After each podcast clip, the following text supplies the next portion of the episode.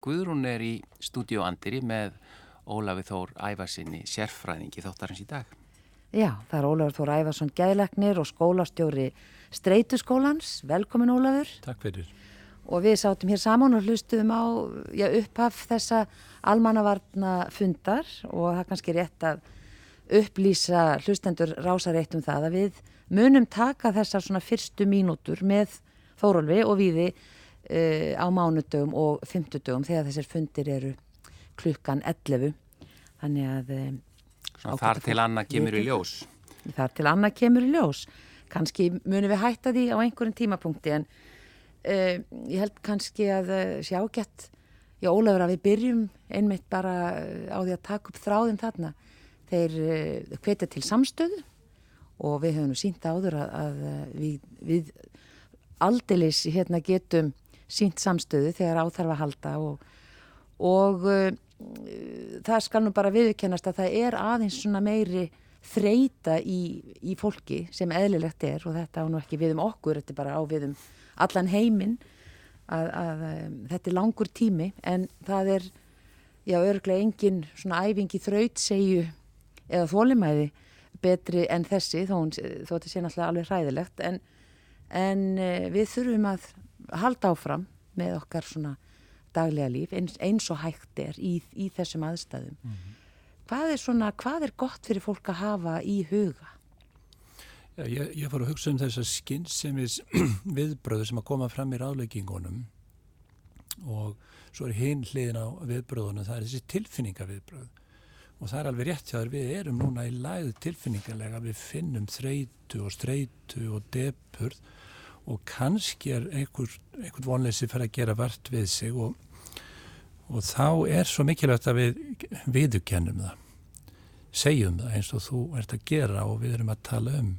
Og þessi viðbröði eru einhvers konar hljómbotni í það að takast á við hlutina. Það gefur okkur viðspyrnu kraft samstöðu.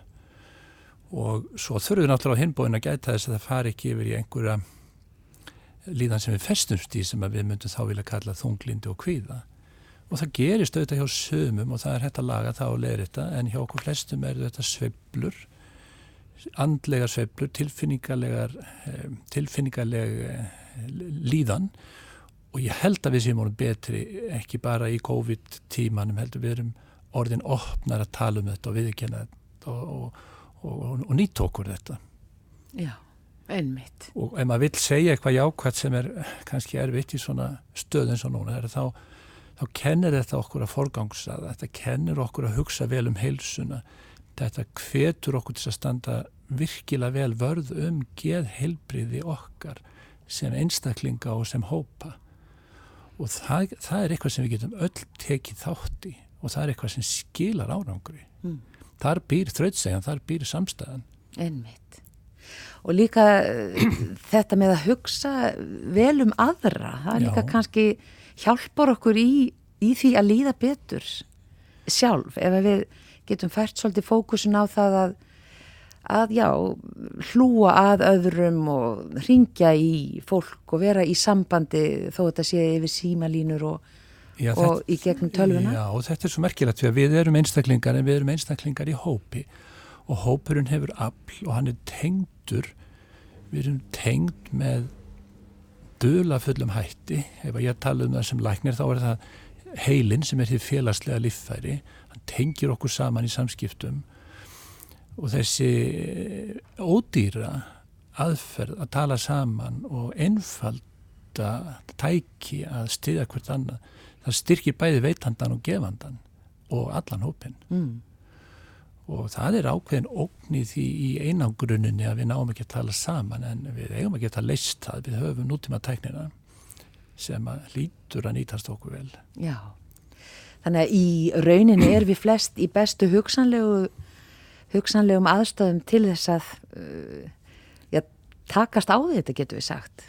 Það er svona væsi nú ekki um flesta Nei, við höfum góðan aðbúnað í okkar góðu heilsu og okkar, okkar velstæða samfélagi en ég held að nú sé tími það sem við hefum virkilega vand okkur í þessu mannlegu þáttur sem varst að lýsa. Að standa saman, tala saman og það var mjög áhverð að heyra hvernig Þórólur myndist á þetta.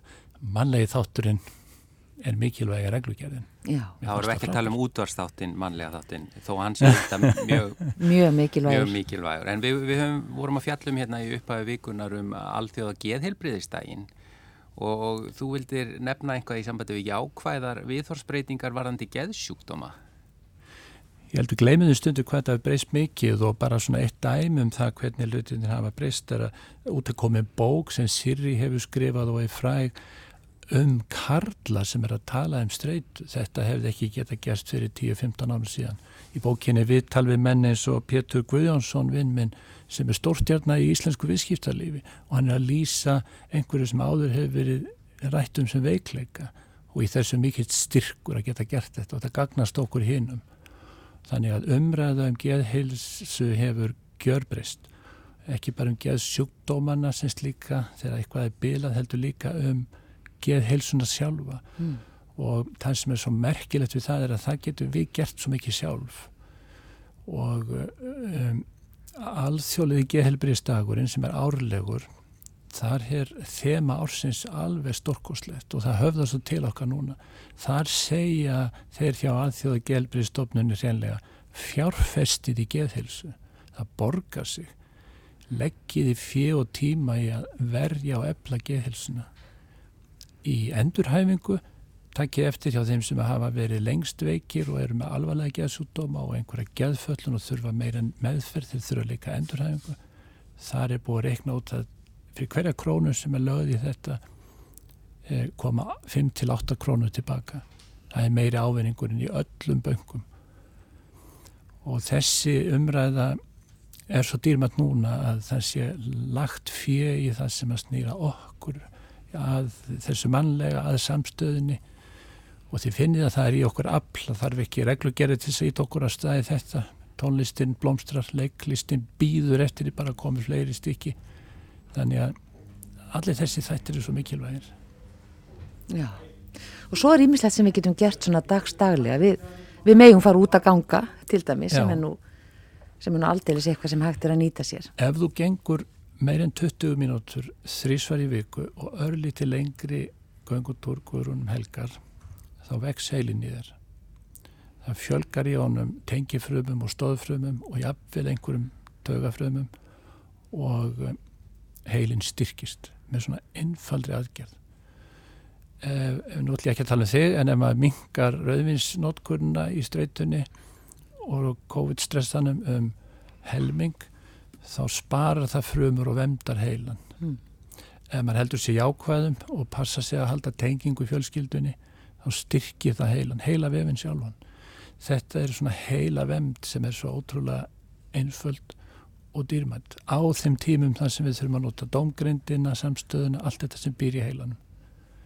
Ég tala mikið um heila núna, ég vil ekki gera mikið úr sála tetrinu en, en, en þetta er svona heila vemd mm við getum svo sannlega gert mikið hvert og eitt okkar. Ekki spurning. Uh, við hvöttum hlustendur eins og alltaf þegar vonið er á sérfræðingi uh, til þess að senda okkur spurningar og uh, ég held að við ættum að fá eitt lag hér og fara síðan yfir þessar spurningar og halda áfram að hans að ræða um, um bara geð helsuna. Já, uh, þetta er Fleetwood Mac og Everywhere og svo höldum við áfram með Óla Þór Ævarsson, geðleikni og sérfræðing mannlega þáttarins í dag.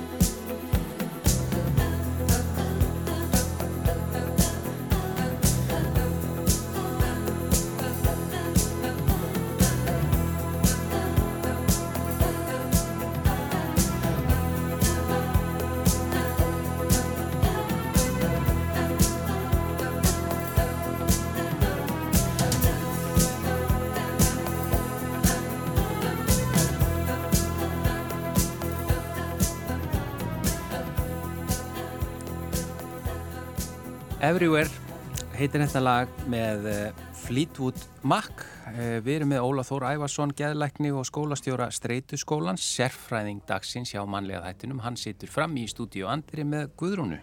Já, og uh, þú varst að segja okkur hérna áðan, Ólafur, að Streytuskólinn, uh, sem þú ert nú búin að vera hugsum og, og hérna vera skólastjóri, hann var eða er að renna saman við, heitir það ekki heilsuvend? Jú, það er þannig að streyturskólinn hefur starfað í tæpa tvo áratugi og það er áhugaverð kannski út frá því að þið vilja hafa sérfræðinga í þættinum að ég er þá sérfræðingur í geðlagningum og við höfum þá menta okkur leikits að vinna eiginlega, já, mörguleiti mest innan sjúkra og sveggjana en streyturskólinn hefur starfað öðruvísi, hann hefur starfað að því að fræða og að forvörnum út í samfélaginu og við vorum að saminast núna helsuvemd og það, þar er fyrir hópur af frábæru fagfólki og þar býst meiri möguleiki fyrir okkur að vera í samtali við helsugjastluna og ennfrekari tenging út í fyrirtækin. Og það er svolítið merkilegt að stór hlut af helbriðisforvornunum er í helsugjastlunni og líka í fyrirtækjum út í bæ. Og ef við tærum þetta í höndunum okkur sjálfum að, að vinna að forvörnum og það er svo margt að gera til þess að koma í veg fyrir geðsúdóma og margir geðsúdómar eh, dagsins í dag tengjast streytunni. Þess vegna er svo mikilvægt að geta að tala við fólk um streytuna, frætt um streytuna og mikilvægi geðhelsunar og um heilan mm. sem félagslegt líffæri. Já. Finnur þú svona aukna streytu hjá því fólki sem er að koma til ykkar í dag? Já, við finnum það. Það er meira álaga allstara í samfélaginu. Það er líka streyta og, og, og, og svona hvíði okkur eh, starfsfólkinu. En við finnum líka þessa samstöð sem við töluðum áðan og allir er að vanda sig og gera, gera það besta.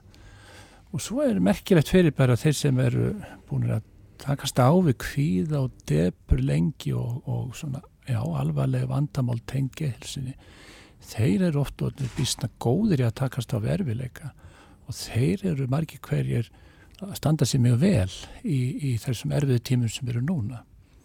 Margir hópar kannski... í samfélaginu sem eru kannski ekkit með mikla þjálfun í að takast á við alvarleg vandamál.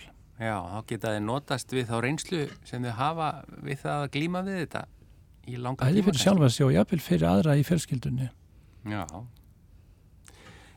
eh, því að einmitt þegar svona álag er þá er kannski þeir sem er ekki í æfingu að takast á við svona streitu fara kannski ítla út úr því.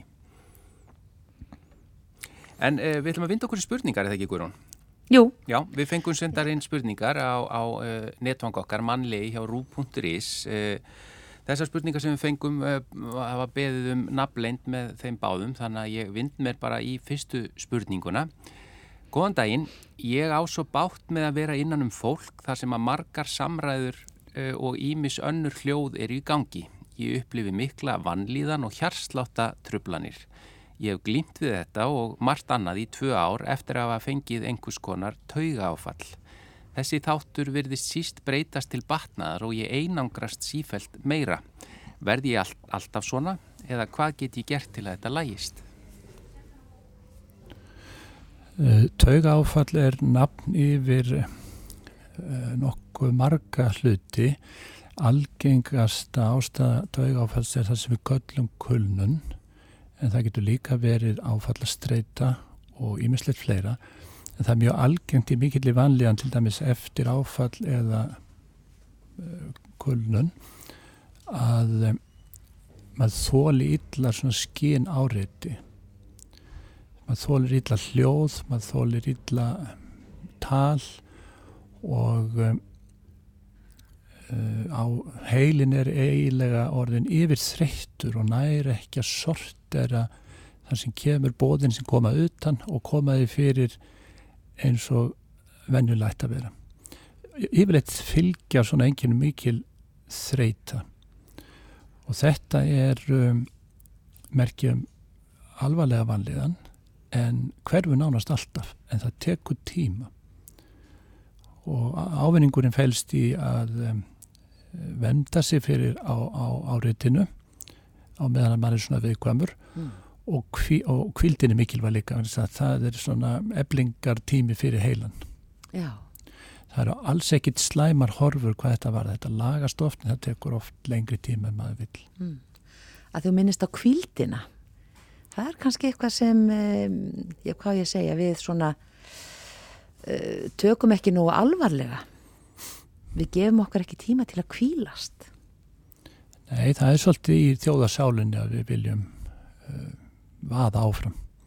Kvildin er ekki svona uh, óvirt ástand það er þegar maður kvílist og róar, róar hugar, kyrir, kyrir hugan og kvílir líkamann þá fyrir gang mjög virt ferli í líkamannu til þess að byggja upp bæði líkamann og heilan og það sem í okkur býr. Veit.